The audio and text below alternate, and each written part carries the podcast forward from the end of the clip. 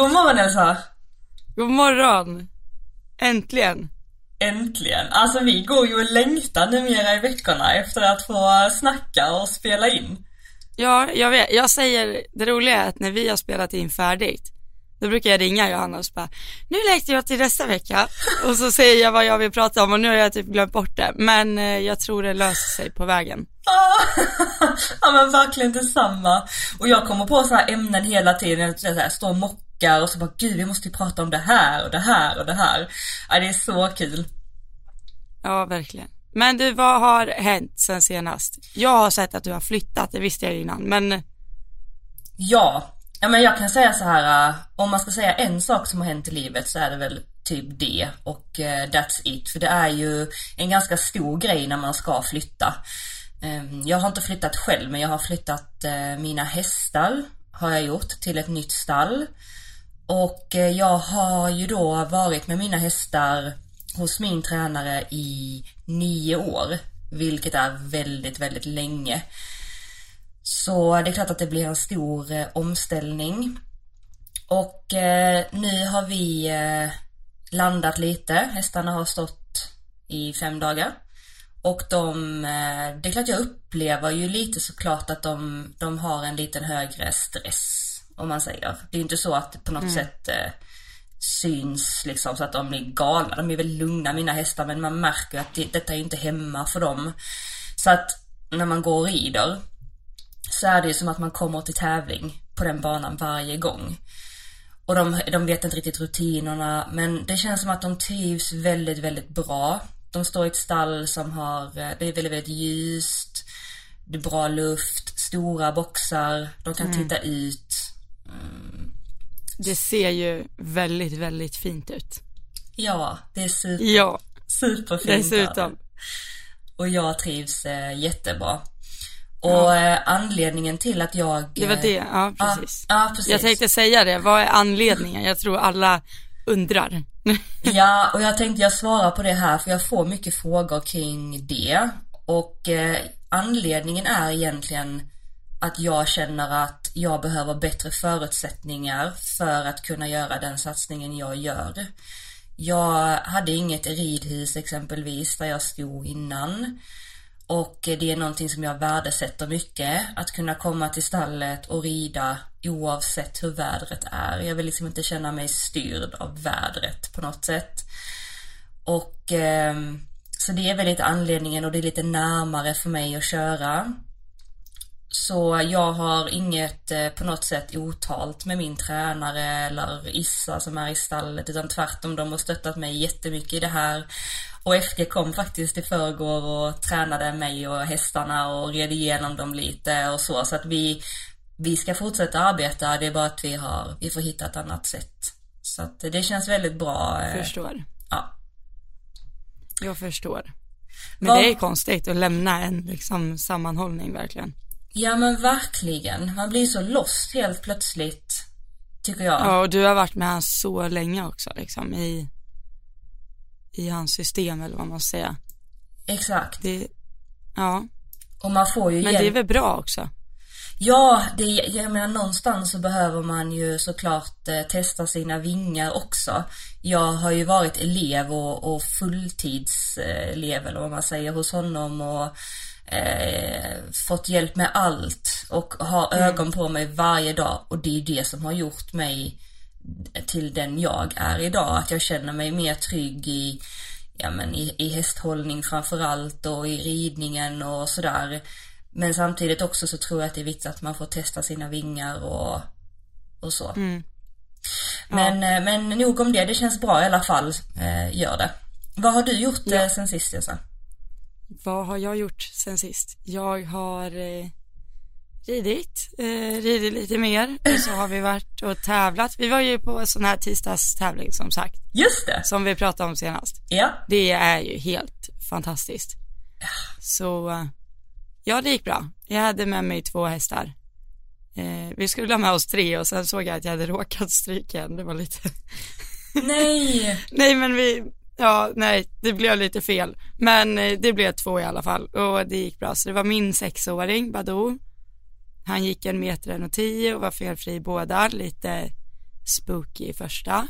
Mm. Och sen hade jag med mig Saratoga, ett sjuårigt sto som haft föl, är väldigt grön men har ju liksom så här sjukligt lätt för sig. Vi kallar ju henne för rådjuret. För hon, hon hoppar ju liksom, alltså som ingen annan. Eh, och hon var felfri 1,10, 1,20 så det var jättekul. Så det var hennes fjärde felfri 1,20 på raken tror jag.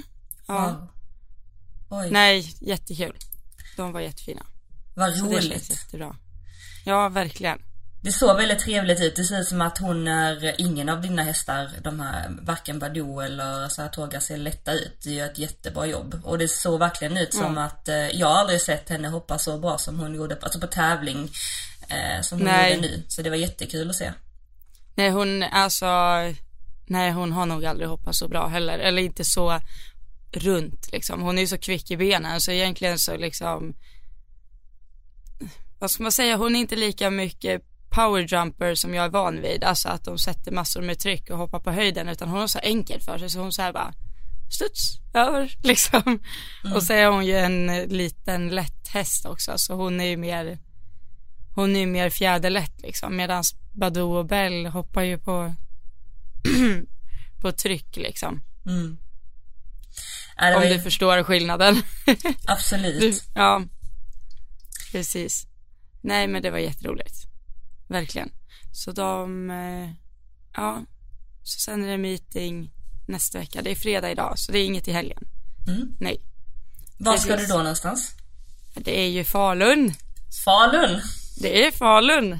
Nej, vi har ju en ganska stor tävling här varje år där de har liksom, ja men 1,40 och sådär. Vi har ju haft SM faktiskt, ganska många år sedan. Eh, två SM till och med. Men, eh, ja så dit ska vi nästa vecka, Dalahoppet kallas det. Mm. Så då är det ganska många hästar från en meter till 1,30 går de, tror jag. Mm. Oj. Det var Så ett stort kul. spann. Ja, det blir ett stort spann med många, många djur tänkte jag säga. Du får köra en uppdatering Det kan alltid det. förändras. Jag tänkte köra en eh, Johanna-uppladdning med lite så här 1.10, 1.20, 1.30 fredag, lördag, söndag. Det, jag tror på det. Och Bell ska ut och tävla då också för första gången. Sen hon eh, har vilat, ja. Mm. Vad det på spännande. Instagram igår förresten. Nej, det gjorde jag inte. jag ramlade ju av igår. Va? Inte en gång, utan två. Elsa. Vad hände? Nej, alltså en kompis till mig eh, som rider eh, fälttävlan. Hon frågade mig bara, men kan inte vi få bygga upp lite terränghinder på eh, eran utebana? Åh, ja det såg jag, det såg jag. Terränginspirerad hoppning och jag bara, ja, gud vad kul, gör. Det är bara att ställa ut liksom. Och jag bara, de får gärna stå kvar liksom. De ska ha två veckor på raken liksom med träningar. Eh, så jag var såhär, nej men gud, lämna kvar allt, du behöver inte plocka bort det. Ja, hur bra gick det då? Alltså jag hoppade ju inte ens. Jag skulle rida förbi hinnorna. Och alltså hon är ju, det var ju Bell, alltså dubbla gånger. Åh, Herregud. Ja, Men det gick bra eller? När du ramlade av? ja, jag landade på fötter en gång, En gång? andra gången. Det var så här, jag gick till pallar, jag bara, gå till pallar för tredje gången idag. Med den här hästen. Ja. Det är helt otroligt. Och sen när jag kom in, det första min kollega sa, hon bara, och vad fick dig att gå ut till ridbanan utan sporrar, utan dressyrspö, utan gramman, när hästen har vilat två, nej tre dagar för hon drog av sig en sko. Åh, Jag vet inte, men eh, ja det gick ju inte så bra. ja, nej. Så vi ska ner och träna på att rida runt de där hindren idag också. Ja. Så. Okej, då, då vet vi vad du plan. ska göra idag. Alltså dina hästar har inte för sig något sånt där? Nej, det har de inte. Nej. Alltså det var rätt så roligt för att eh, jag, eh, nu när jag flyttade och, och sådär så jag visste ju, jag hade redan räknat med att första dagen jag tar ut dem så kommer de ju vara såklart mer spooky och de Ja. kommer vara mer, eh, de kommer vara pigga och sådär. Så att jag eh, gjorde faktiskt så att jag hade öronproppar i dem. Så att jag tycker det är en sån grej som är väldigt bra, att man kan ta bort lite ljud i alla fall och sådär, alltså jag rustar verkligen för att eh, göra en bra upplevelse. Eh, jag gick ut i ridhuset först och så jobbade jag lite med dem från marken direkt, alltså avsuttet. Så att jag bara kände Mm. att de följde mig och att jag, ja men att vi hade, att vi hittade varandra lite där i och med att det var en ny miljö så att fokuset var på mig.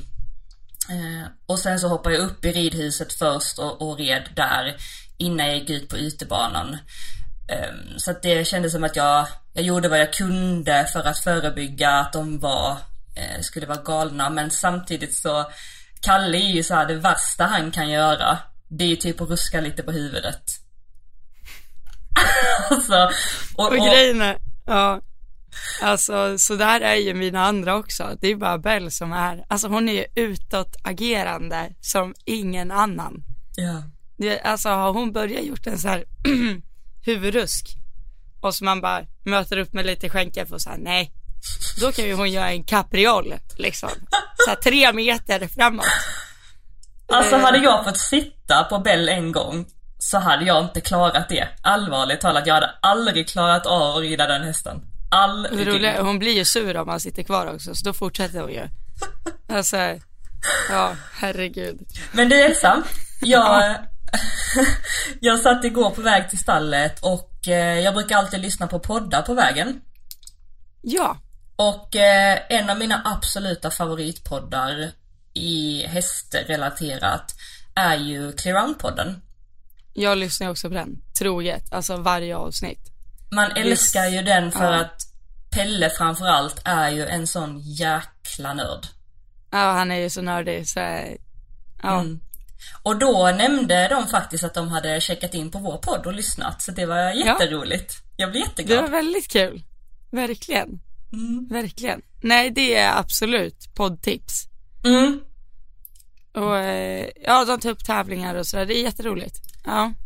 Verkligen, och Mm, jag det tycker att Pelle är fantastisk på att förklara också för han han lämnar ju inte heller någonting åt slumpen utan han tar ju verkligen tid på sig att förklara alla steg och eh, sådär. Och så, ja men det är varmt, eh, varmt eh, poddtips. Mm, verkligen. Verkligen. Ja. Var det inte någon, jo, det var en grej. Har vi, tycker vi att vi har catchat upp färdigt? Ja, det tycker vi. Ja, El- Elsa har ramlat av, Johanna har flyttat, jag har hunnit tävla lite grann. Där ramlade jag inte av, det kan jag tillägga. Är inte ens nära.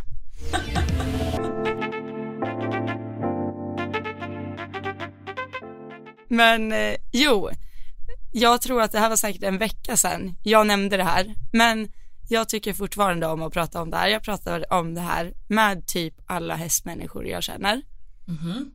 Eh, och jag har nämnt det för dig lite grann. Men så här är det. Jag har en eh, hypotes.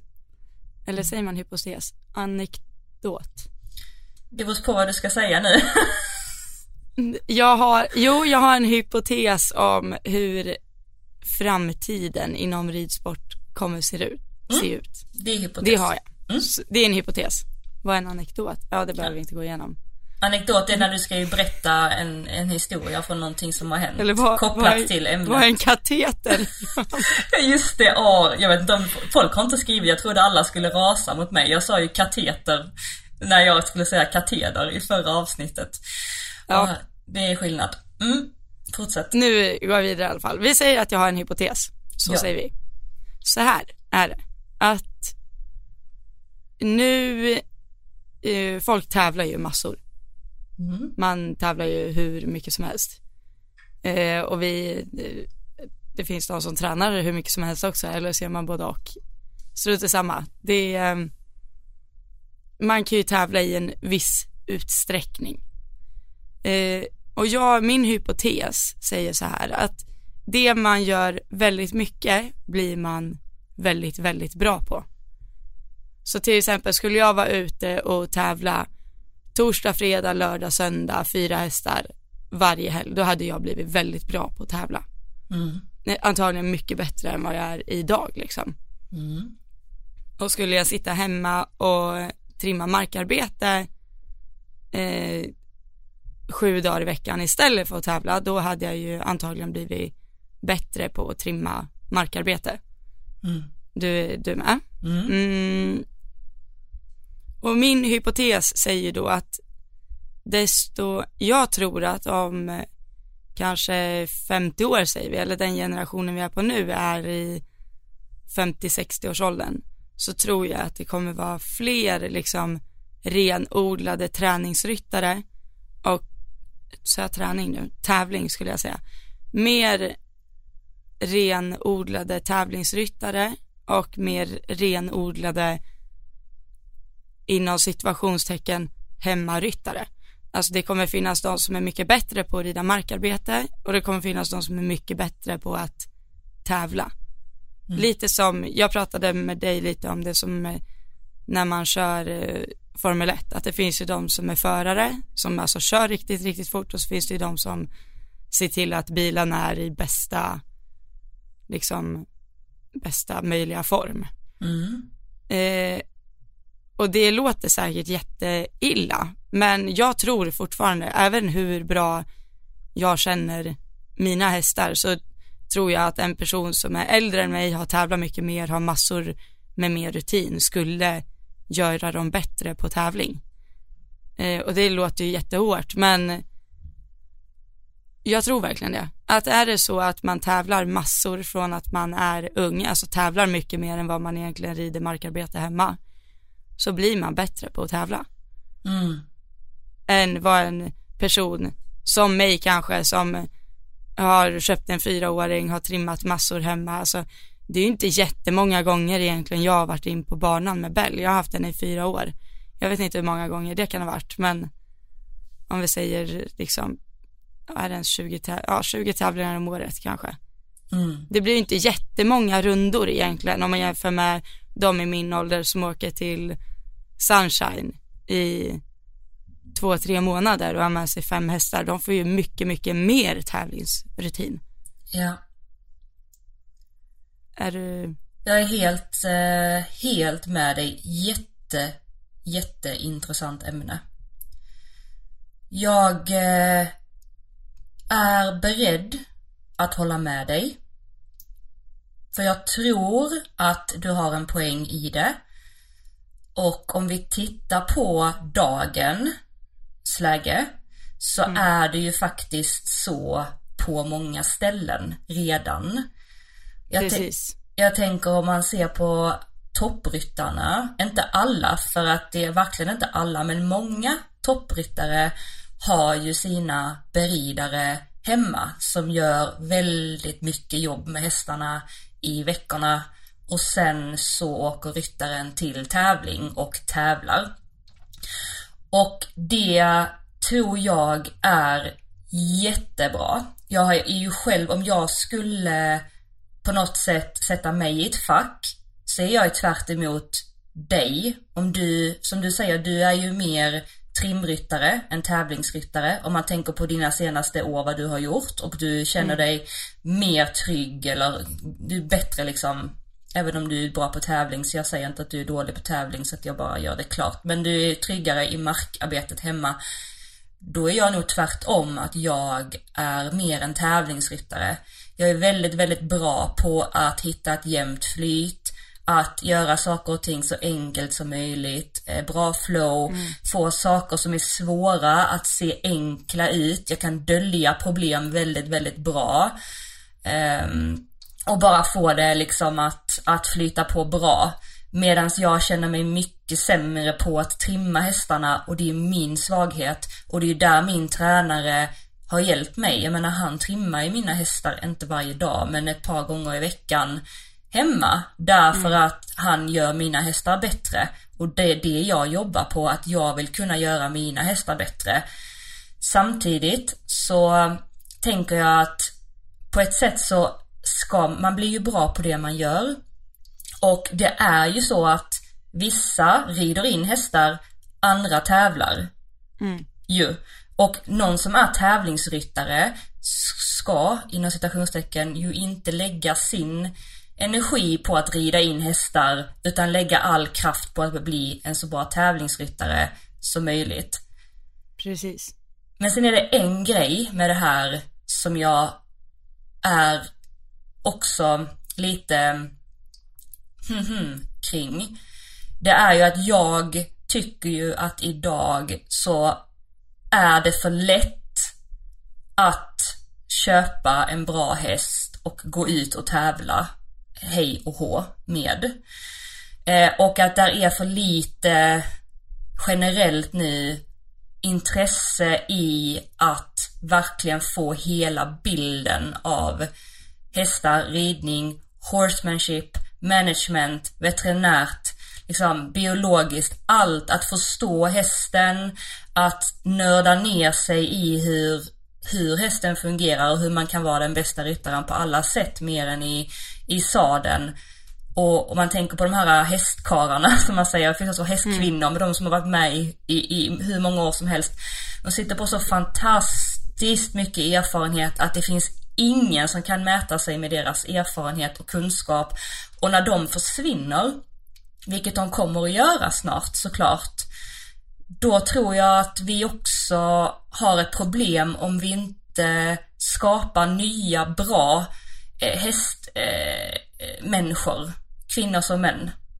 Precis, alltså den kompletta, egentligen i mina ögon den kompletta tävlingsryttaren. Det skulle väl jag säga att Peder är. Peder verkar ju vara helt mm. komplett. Han mm. är ju, det känns som att han har koll på sina hästar från, alltså in i minsta detalj. Mm. Men samtidigt så finns det ju säkert ryttare, nu har jag jättedålig koll på toppryttare, men i allmänhet så tror jag att det finns ryttare som rider 1,60 och gör det bra som är mer inom situationstecken piloter. Ja, hundra procent. Eh, som antagligen inte har i närheten av samma kunskap som Peder har. Men inne på tävlingsbanan så rider de lika bra. Ja. Eh, ja. Och, och där kanske, där spelar väl hästmaterialet in liksom. Anar jag. Det gör det ju, såklart. Ja. Och det är också en sån grej att vår sport är ju väldigt, eh, den är ju materialbaserad. Du, du, mm. sam, men det är både och liksom. Det är klart att du behöver en bra häst eh, som kan göra det du vill att den ska göra, alltså hoppa stora hinder i det här fallet och, och göra det liksom på ett försiktigt sätt men ändå vara modig och, och hela den mm. biten för att ta dig högre. Precis. Men samtidigt också så är det ju så att man ibland kan en häst om jag tittar på både mig själv ett tag, verkligen räcker upp handen här och när jag ser tillbaka eh, och jag ser andra människor också som har ett inom citationstecken okej okay, hästmaterial men använder inte det 100% fullt ut. Nej.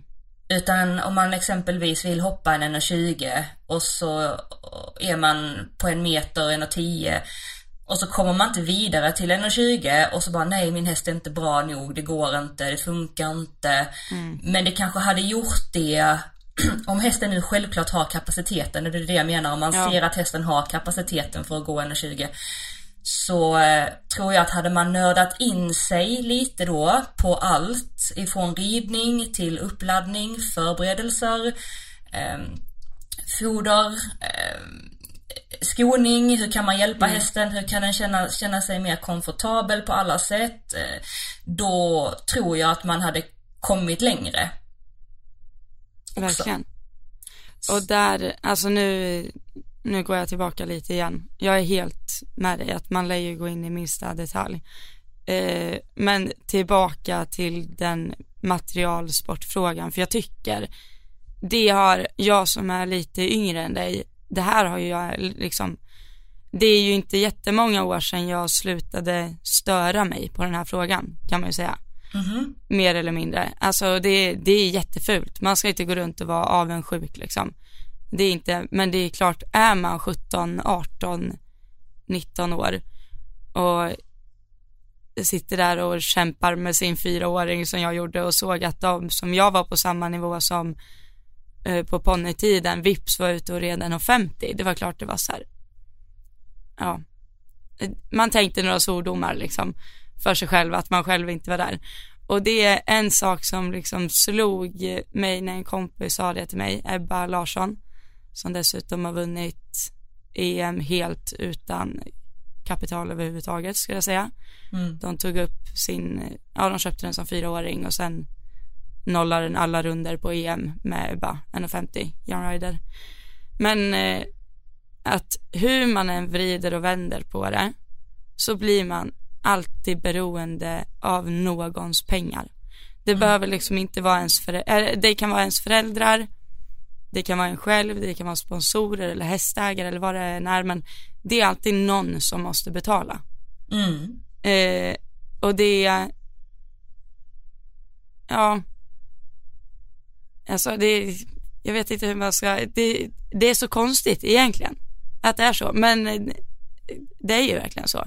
Så var, bakom varje 1,50 runda som någon gör på Sundbyholm säger vi, eller det spelar ingen roll vilken klass det är, så är det ju någon som antagligen har liksom betalat hundratusentals kronor, om inte miljoner liksom, för att det här ekipaget ska ta sig dit med hästmaterial innan och den här hästen och tävlingar innan och allt vad det nu är så är det ju alltid någon som sitter och betalar och det gäller ju och det är ju lite liksom tillfällighet också vem vem det blir Mm. alltså en som ryttare jag eller du eller vem det nu är det, det kan ju hända på en tävling så dyker det upp någon så ja men vill du rida min häst win-win liksom Mm. eh, eller hitta en sponsor eller hur det nu är.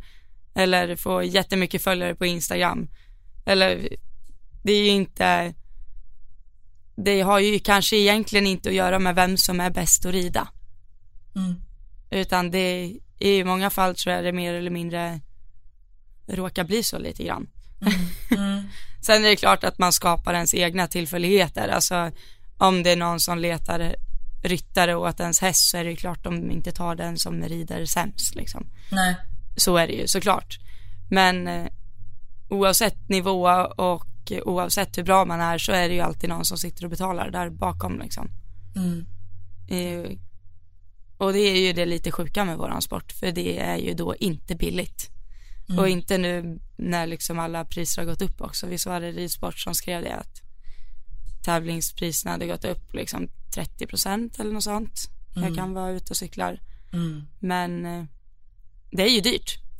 Det är, det är jättedyrt. Jag vill bara koppla på det du sa där att det är ju alltid någon som får betala och ibland så har det inte att göra med vem som rider bäst. Det är också en liten sån grej upplever jag att att tyvärr kan jag säga på det ju för att om man exempelvis, nu lever vi ju i en tid där vi lever jättemycket på sociala medier och eh, man bygger mycket upp sitt namn på sociala medier. Förr var det liksom att man byggde upp sitt namn genom att man man red bra och man gjorde bra resultat och det var ju, det, det såg ju alla som var på samma tävling och då visste man att den personen är bra. Och eh, nu tycker jag det är synd därför att jag upplever ju att många skriver exempelvis till mig och frågar mig om en massa ridtips och eh, så vidare för att de ser upp till mig och eh, tycker jag rider bra såklart. Annars hade de väl inte frågat.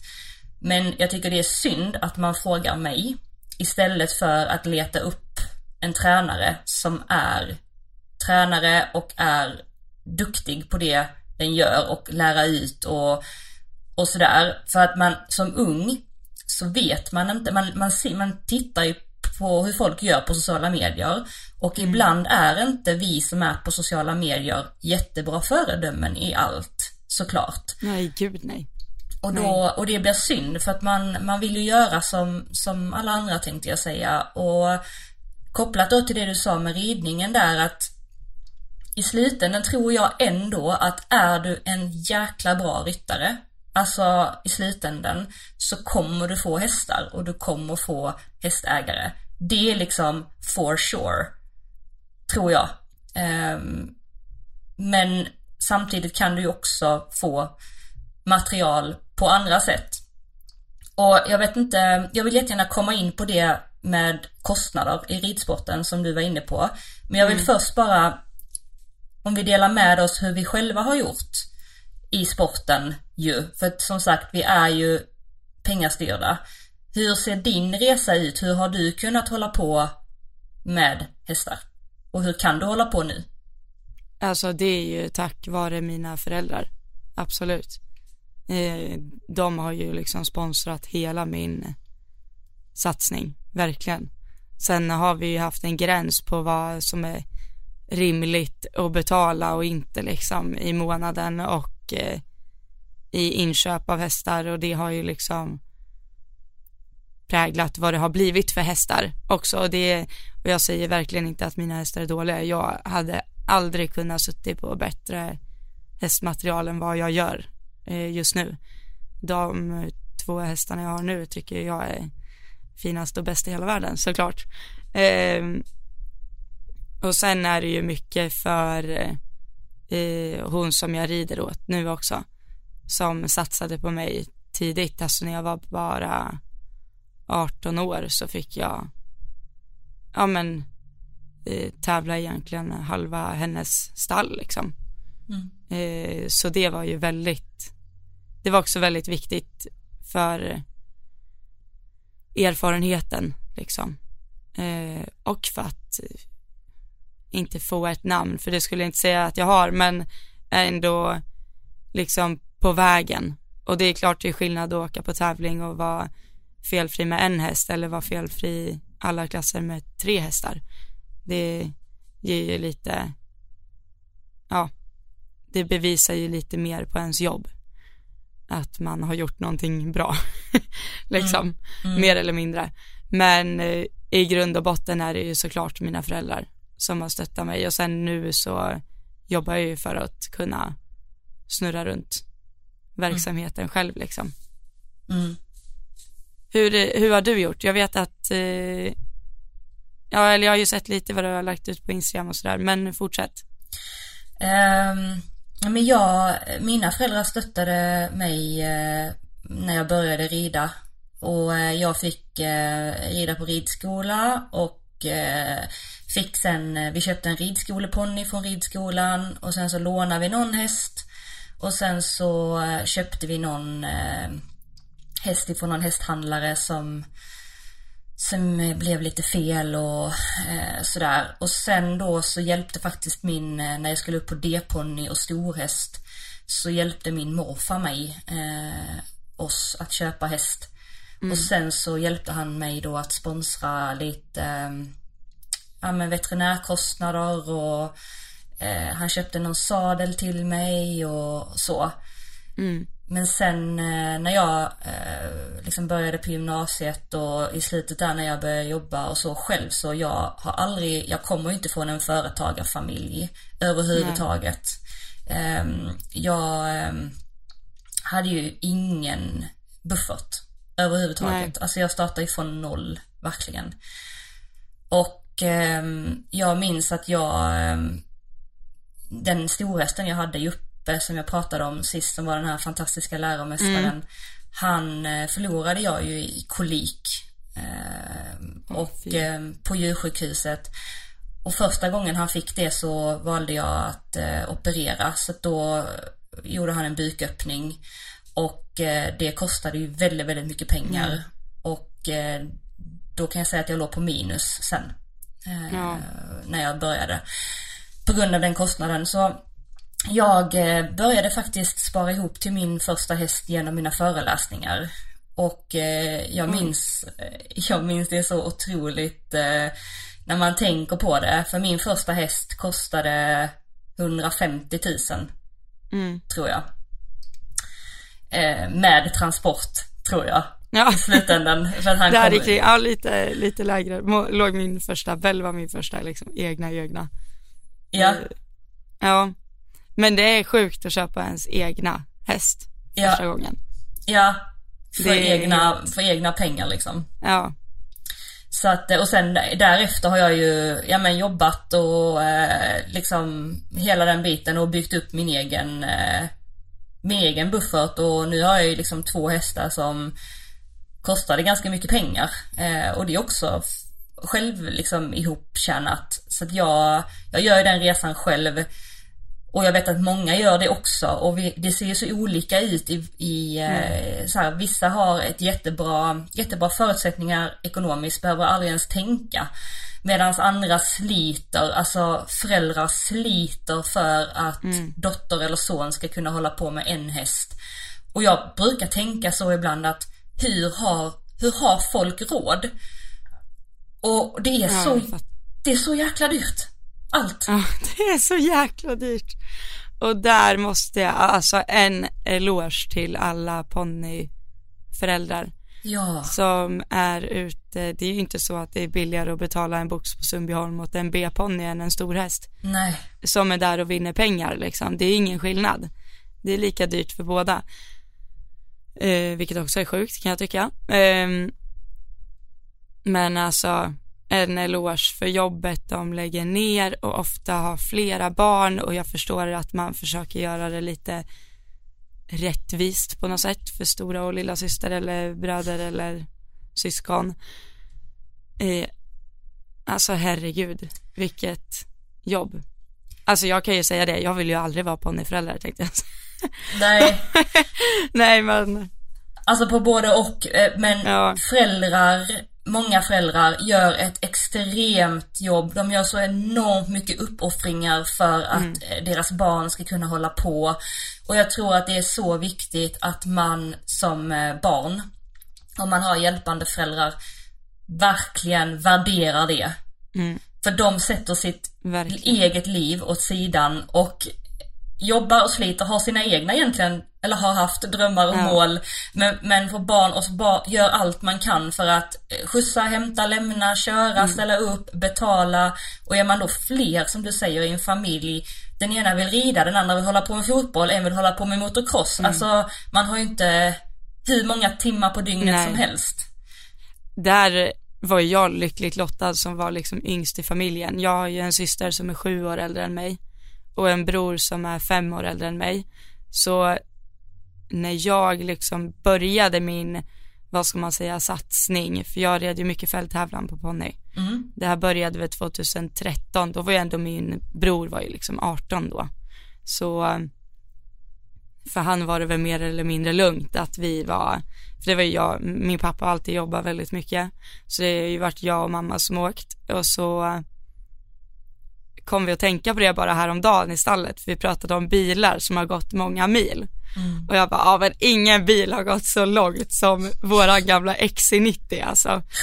för den hade ju gått, eh, för säsongen, fälttävlanssäsongen i Dalarna börjar ju inte förrän i juni liksom.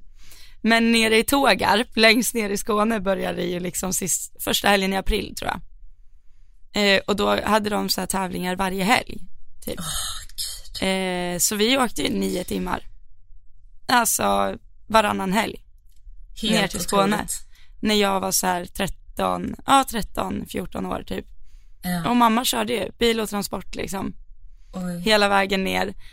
Eh, och rådda med att fixa stallplats och boende och liksom, och jag minns en gång, alltså jag var så arg på min mamma när vi hade kommit fram till Tågarp Eh, för gissa vad hon hade gjort då, då. Hon hade ju låst in bilnyckeln i bilen och vi hade ju inga jättelyxigt släp och sådär. Så alla sadlar och allt låg ju i bilen. Nej. Så jag fick ju låna någon sadel och rida liksom enstjärnig dressyr i hoppsadel. Nej.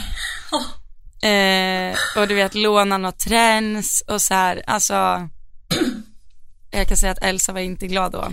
Men oh, herregud, nej, jag tror det var något så SM-kval eller något sånt. Men alltså nu så här i efterhand, hur, alltså hur hade jag ens mage att vara arg? Mm. Egentligen. Mm. Det är, jag tror ändå det är, alltså mycket så här konstigt, för, alltså vi brukar alltid kalla våran familj för liksom cirkusfamiljen, för det är verkligen det. Det är alltid en cirkus, det är hästar och det är kaniner och det är så här hela, alltså det är en cirkus hemma hos oss och det är så sjukt mycket kompisar, det är, ett, det är en fritidsgård. Så det är ofta liksom saker som glöms bort eller låses in eller så här. konstiga grejer händer. Och det är nog det som har gjort att jag är väldigt så här, jag är ju väldigt, väldigt förlåtande idag. Det handlar, alltså de jag jobbar med eller om det är praktikanter eller vilka, alltså jag kan ju skratta åt allt, hur tokigt det än blir liksom. Mm. Eh, men alltså jag mår så dåligt över att jag inte var den när jag var mindre. För det var ändå min mamma väldigt klar med när jag började tävla att du gör din tävlingsplanering. Eh, du är liksom, du är chefen över det här. Mm. Eh, så liksom du säger vart du vill tävla, jag hjälper dig med det som du behöver ha hjälp med men jag kommer liksom inte, jag kommer inte vara den som tar med dig ut på det här. Mm. Eh, vilket också har varit väldigt, väldigt bra. Men man har ju lärt sig under tiden att bli en bra, liksom, en bra chef över sitt team. Mm. Och det tror jag också är en skillnad idag, för så tror jag inte det ser ut. Jag minns det när jag var yngre, det var det liksom, mina kompisar visste inte vart de skulle nästa helg. Eh, och jag hade ju liksom nedskrivet i telefonen hur hela säsongen skulle se ut liksom. Mm. Mm, och det där tror jag är viktigt, att man, eh, alltså man, hur mycket familj man än har som stöttar så måste man ta ansvar över sin egna satsning liksom. Ja, verkligen. Jag tycker det är så kul när du sa att du åkte runt eh, i er XC90. Ja. Så, vi hade ingen bil och sen så hade pappa och mamma köpt en bil. Och då hade de köpt en, eh, en sån här, eh, jag kan inte ens vad det är för, för, för modell, men du vet en Volvo som är inte en kombi utan en sån där Ja. nosen går ut och så går taket upp lite och sen går ba- bakluckan ut. Jag tror alla kan se den framför sig. Det kallas EPA i Dalarna. Ja men typ så. Och i gul färg. Ja.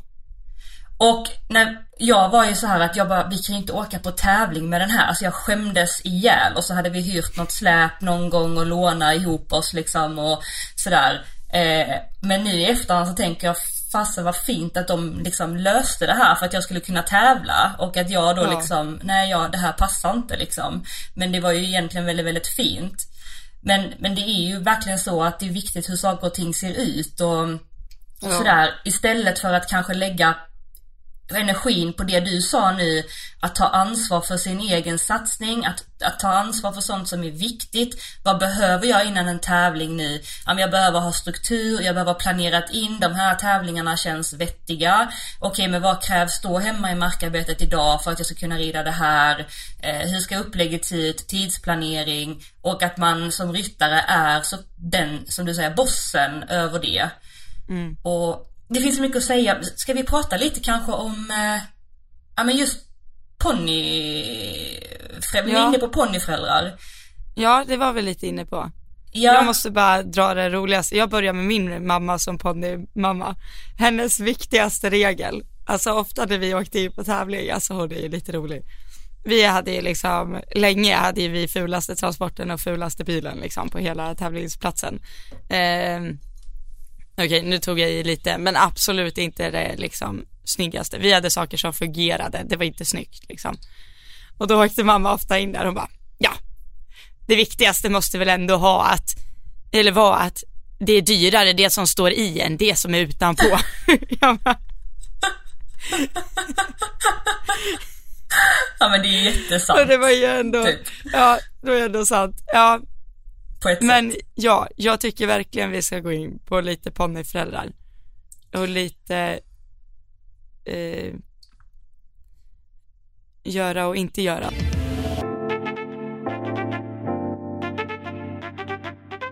Ja men lite så, och alltså ponny, nu säger vi ponny, men, men alltså jag, jag tänker att det kan vara kul att prata lite om när man har en, eh, när man har sina föräldrar engagerade i sin sport. Och det behöver inte vara att man har en ponny. Det kan ju vara att man Nej, har en stor nej. Och det har ju ingen betydelse hur gammal man är. Men jag upplever att när man har föräldrar involverade så blir det svårt på olika sätt. Det vi har pratat om nu är ju att föräldrarna ska ju ha en sån enorm eloge för allt de gör. Ställer upp, betalar, så. De, och de vill ju verkligen i botten att det ska gå bra för sitt barn. Liksom. Såklart. I, och det, det utgår man ju ifrån. Men jag upplever att ibland blir det lite, lite för fel. Eh, och det tror jag har att göra mycket med då att man är familj. Mm. Jag vet inte vad Det du har för också. eh, erfarenhet där. Jo, jag, jag vet inte hur, hur mycket du tävlade ponny, men jag kan ju säga att jag fortfarande min liksom prime time var ju under ponnytiden när jag fick göra många SM och eh, liksom något NM och sådär. Så man har ju varit med och sett mycket liksom. Eller du förstår hur jag menar. Mm. Eh, och jag, eh, ja, ibland blir det ju lite övergjort. Något som liksom, det bara sticker i mina ögon, det är ju när föräldrar kommer ut på meeting i de här meetingstallen och du kan ju i princip gå igenom stallet och veta liksom okej, hennes föräldrar har pengar, hennes föräldrar har inte pengar, den föräldern har pengar, den föräldern har inte pengar. Det är liksom vissa boxar ska ju pyntas från topp till tå. Alltså det är boxgardiner och varenda schabrak ungen har ska sitta på väggen. Eh, det ska liksom stå namn och det ska vara liksom på den här boxgardinen. Det räcker inte att det bara är en boxgardin för den där fula bruna väggen inte ska synas utan det ska vara strass och det ska vara någon väska och det ska vara någon krokar och en sån här stol som barnets namn står på. Och stolen kan ju kosta mer än vad en annan unges transport kostar liksom. eh, det här är ju inte ett skämt. det är ju så. Och det, det sticker fortfarande i mina ögon. Det gör det att man måste pynta sin box något så hemskt. Men eh, det är ju så bra sport ser ut. Liksom. Men det blir så uppenbart och så, så, så fel. För jag vet att när vi skulle sälja en av mina D-ponnysar så var det ju inte bara en business föräldrar emellan utan det kunde ju absolut komma en så här 12-årig B-ponnyunge och fråga på Instagram eller någonstans vad, eh, vad ska ni ha för den här? Och det var så öppet att prata liksom om eh, alltså flera hundratusen belopp med 12-åriga barn. Mhm. Och det är för mig så konstigt. Mm. Alltså det är jätte, jätteundligt. Eh, men så är det ju. Och det är samma sak nu när jag har träningar att eh, det kan komma någon och träna med sin ponny. De har liksom köpt den irländaren de kan. Eh, och nu bara leker vi med tanken att de har köpt en ponny för vi säger 60 000. Eh, och föräldrarna står då öppet och säger att ja, vi måste ju tävla upp den här lite så vi kan köpa en vettig storhäst sen. Och då är det så här, men vänta, ligger den liksom, jag tycker att det blir en sån press på barnen Mm. att de vet att, ja ja, men jag, jag, för jag inte till den här ponnyn, då kommer jag inte kunna köpa en vettig storhäst liksom. Mm. Eh, Och, Och mina där- föräldrar blev besvikna på mig. ja men precis. Mm. Och det, men det är ju ofta så det ser ut, att man får börja med en ponny, sälja den lite dyrare så man kan köpa en childrenshäst eller vad det nu Och det och jag vet att det, jag vet inte hur man hade löst det som förälder för att på något sätt få sina barn att inte behöva bry sig om den ekonomiska frågan, för det tror jag att de fattar oavsett. Mm. Men eh, finns det någon förälder som har löst det här på ett bra sätt? Tell me. Ja men verkligen, det är skitsvårt. Jag tycker mig se jättemycket av det. Nu, nu jobbar jag ju med många klienter, både ponny, storhäst, från olika, med olika förutsättningar ekonomiskt och hästmaterial och eh, olika typer av relationer till sina föräldrar. Det finns ju de som jag jobbar med som har, alltså föräldrar som verkligen är så här um, jättestöttande, lägger inte sig i utan om jag tänker när jag jobbar med klienten då jobbar vi. Jag får aldrig typ så här eh, Åh, kan inte du prata med min eh, dotter om det här eller eh, liksom, det blir inte så mycket, de lägger inte sig i och de litar 100% på sitt barn och att barnet gör vad den kan liksom på träning och tävling och eh, föräldrarna är liksom där och pushar bara.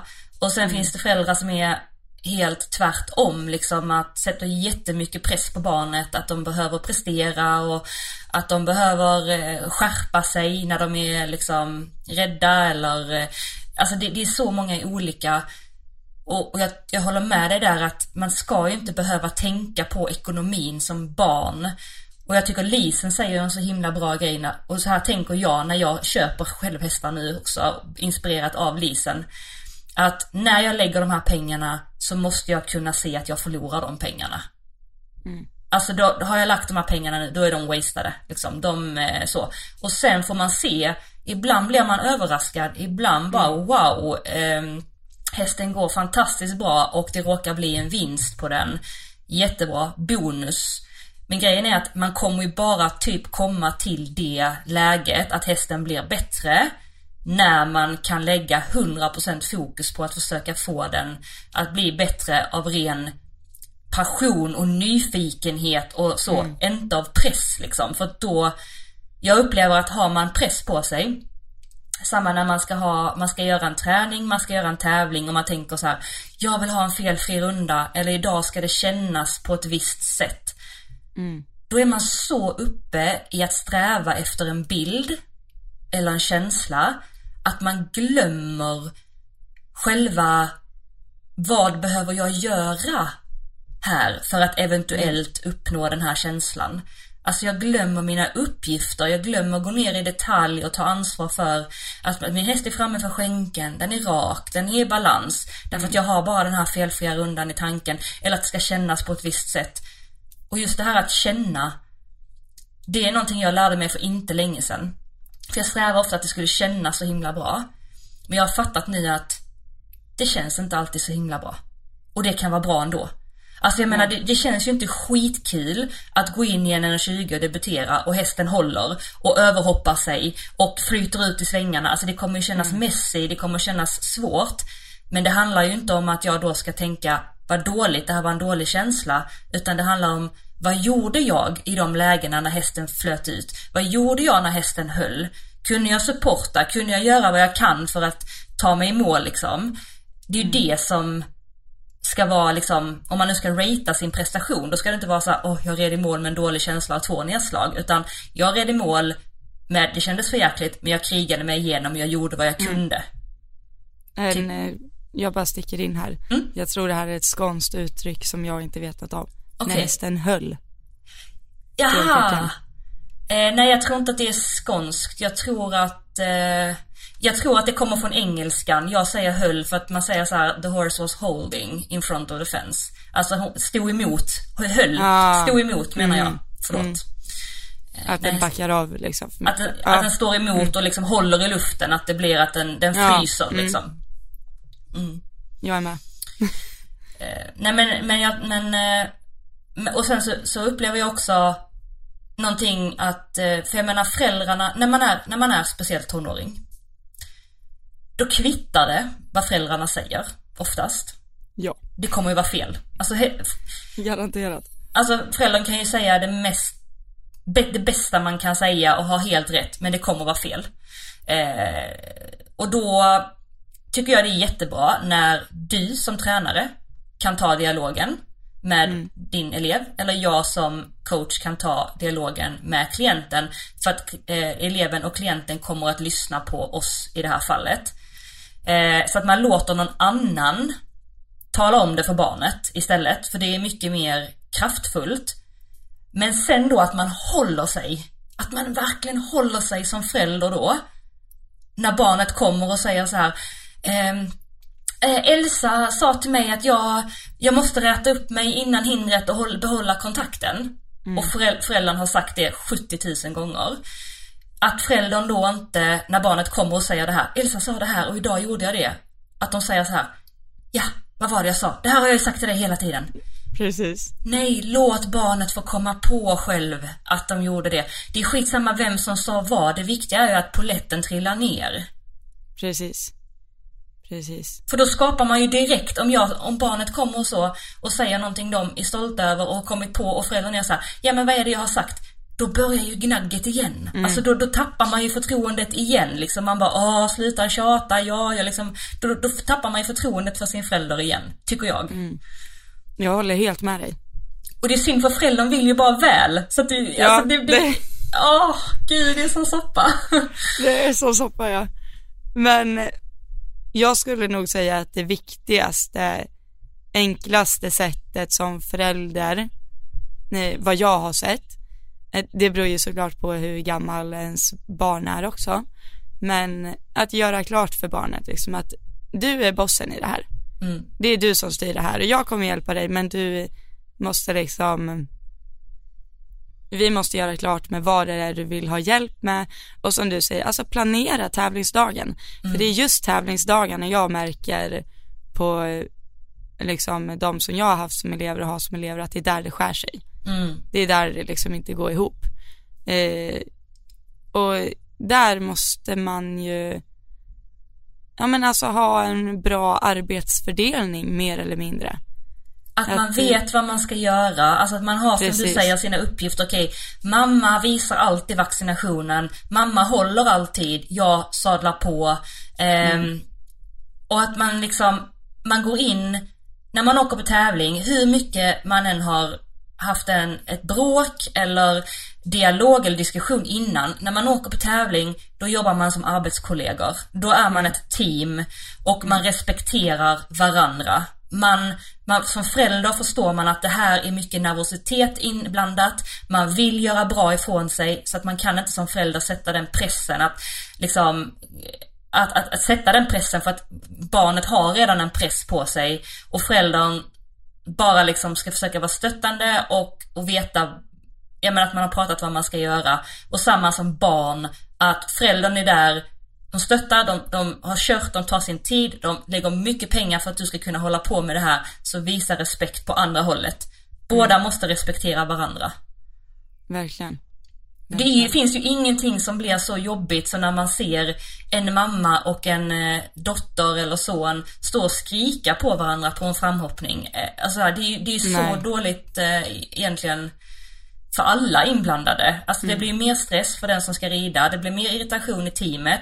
Det stör folk som håller på att rida fram, det blir tråkig stämning, ingen vinner på det. Så om man blir irriterad, att man, man förbereder sig då på att försöka gå tillbaka till sina uppgifter och eh, blir det något kan man ta det efteråt att fastän mamma, jag vill inte att du håller på och pratar med mig innan jag ska gå in på banan. Jag vill att du ska vara tyst. Kan vi försöka tänka på det nästa gång? Kanon, då har man ju liksom tagit det. Och det är, alltså det är någonting jag börjar tänka på mer bara nu sen jag var på dina föreläsningar och sådär att herregud, allt har ju att göra med förberedelserna. Allt. Mm. Mm. Alltså precis allt. Det är liksom Ja men som framhoppningen till exempel, det är flera gånger jag är på tävling och jag märker att det är liksom en konflikt barn och tränare emellan eller tränare, mamma, förälder. Att det är liksom, det är ju något i, för, eller i förberedelserna som gör att det inte fungerar där och då liksom. Mm. Och det skapar ju en sån stor oro liksom. För Ja. den som ska prestera. Eh, och där kommer vi in på att rida rätt klass igen och så vidare och så vidare. Men eh, Kan vi inte Och ta sen- ett, eh, förlåt, kan vi inte ta ett poddavsnitt sen där vi pratar om typ, alltså förberedelser? För jag tror att det är så Ja. omfattande så vi kan, börjar vi nudda det nu så kommer vi liksom ja, det, är så, gud ja. det, det är för omfattande. Men det jag. enda jag ville komma in Mm. på är, eh, eller komma in på, bara ha sagt att man behöver träna på att tävla. Mm. Alltså så många gånger. Eh, och, det, och träna på att tävla, då menar jag inte på att du måste träna på att rida 1,20 Nej. så du kan ut och hoppa 1,30 utan jag menar du måste träna på att komma dit i tid, Mm. ta ut din häst i tid, på vilket sätt du ska rida fram, Mm. hur du vill hoppa fram, kommunikationen på framhoppningen, när ska du gå till banan, vad ska du göra inne på banan innan du får startsignal. Mm. Det där, och det kvittar fullständigt om du rider 80 centimeter eller 1,20. Det är bara bättre om du rider 80. Mm. Mm. Du ska bara du ska bara göra det för att avdramatisera hela grejen. Mm. Och kan du liksom ta bort ett störningsmoment, till exempel så här komma rätt på varenda hinder, Mm. eh, vilket du måste göra i en 1,20, så är ju det skitbra. Ta Ja. bort allt det som gör det svårare än vad det är och åk dit för att träna. Mm. Exakt. Så Håller man- helt, eh, helt med. Jättebra sagt. Det var Och kul. för guds skull, rid två klasser. alltså, jag vet inte, på min tid tänkte jag säga, jag är 22 år. Nej men alltså när jag var yngre, det hände inte att man åkte till tävling och red en klass. Nej. Man red alltid två klasser. Jag vet inte, du kanske, det är om det är meeting så rider man ju En om dagen. en om dagen liksom Ja, såklart. Men om man red lokal endagars, jag tror aldrig jag har åkt på en lokal endagars och ridit en klass. Eller är det bara för att jag åker så långt så det känns ovärt?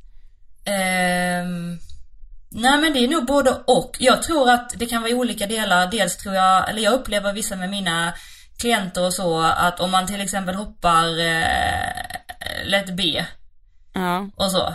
ehm, eller när vi börjar jobba, inte så mycket nu, men ofta är liksom det här inställningen att, ja men där fanns bara lätt C, lätt B, lätt A. Nu hittar jag bara på. Eh, det finns ju inte lätt C eller lätt A på samma tävling, men eh, eh, men att man Jo, då, det gör det det? Ja, ja, ja, det hör ju dåligt på lätt C, men men att man, åh nej men eh, jag kan inte hoppa lätt A för jag är inte kvalat lätt A och sen lätt C kan vi ju nu liksom så att eh, det är ju lätt B vi ska hoppa. Eh, och då hoppar man en klass. Men att istället då använda lätt C, alltså även om du hoppar lätt B och är där, så är lätt, lätt C är ju fantastisk. Alltså den Ja. är liksom in, ta god tid på dig, förbered hästen, gör en skolrunda, eh, gör allt det här så att du sen kan rida in i lätt ben och hästen har varit på banan och vill du då rida på lite tid så har du jättebra förutsättningar för hästen har bra erfarenhet med sig. Alltså, verkligen. Och de där, alltså hästen ser inte skillnad på om det är ett C eller ett B. nej, nej exakt. Det, det vet ju inte den Nej. om, liksom. Nej. Det skiljer ju en decimeter och är ju inga supertekniskt svåra banor. Så det är ju bara jättebra träning. En jätterolig grej, nu, nu när du nämnde föreläsningen, för jag tror det var när jag var uppe i Falun där, Ja. ehm, eller i Borlänge. Och jag, blev, jag är så tacksam för det här. Jag, jag tror att det var, jag har lite dåligt minne, eller så var det föreläsningen efter. Men det kom i alla fall fram en eh, tjej med sin kille. Det kan ha varit en föreläsningen efter, hur som helst. Och eh, pratade. Och eh, den här eh, tjejen då eh, pratade lite med mig och så stod killen bredvid så jag bara, "Ah, okej men håller du på med någon sport då? Eh, och han bara, ja men jag rider ju också. Liksom. Jag bara, ah, okej, ja. Och så började vi prata. Och då sa han att han eh, både rider och spelar fotboll. Och han sa att jag är så tacksam nu för att jag kom på den här föreläsningen för vet du vad jag insåg nu? Det är att jag kan ju inte förbereda mig på samma sätt inför en, eh, en, tävling i ridning som en match i fotboll. Och jag kommer in på varför. Jag tar upp det här nu därför att jag upplever att många föräldrar som har varit i en annan idrott, exempelvis fotboll, hockey, så, eh, försöker applicera det på sin eh, son eller dotter som rider. Eh, Och det går inte. Därför att i fotboll, där kan du innan en match och bör innan en match tagga till. Du vet, du vill ha upp adrenalinet, du går ut i strid, du ska vara snabb, du ska vara kvick, du ska våga ta beslut. Liksom, du, du kan pumpa upp dig. Det är samma som du ser en, en friidrottare kan slå sig i huvudet innan de gör ett hopp Ja. liksom tagga igång. Hästar, tvärtom. Inte tagga igång. Lugn. Samma hela tiden. Du måste vara neutral hela tiden. Så. Så börjar man tagga igång och greja, då sätter man ju omedvetet press och tension, vad heter det, tryck liksom i hästen. Hästen vet inte riktigt vad den personen där uppe håller på med. Det, det, och, och hästen, när hästen känner det här trycket, hästen flyr ju. Alltså det, det är ju deras sätt, liksom när någonting är konstigt, att fly. Eh, och blir ännu spändare och drar och så här. Att jag vill bara säga att om det är någon förälder som lyssnar på det här, för jag vet att vi har föräldrar som också lyssnar. ehm, det, man, man, man kan inte jämföra sporterna eh, för att vi har ett djur eh, och, och det djuret behöver vara, vi behöver vara lugna, trygga, likadana. Då eh, gainar vi respekten och hästarna känner sig trygga med oss. Liksom.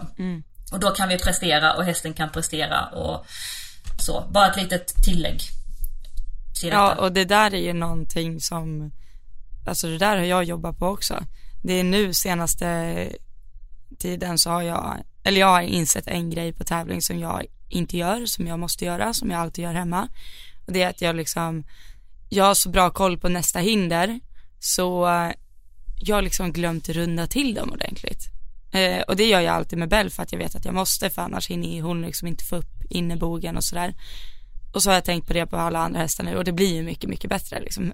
Det kommer en sväng, det är klart att jag måste runda till dem tillräckligt. Men du vet, jag bara kollar på nästa hinder, se till att jag har bakbenen under mig och lite som du säger, se till att jag har galoppen, tagga till lite. Men eh, det gör ju ingenting bättre. det, det, det liksom spelar ingen roll hur mycket galopp man har eller hur mycket tryck man har om man inte kan eh, göra något med det. Liksom.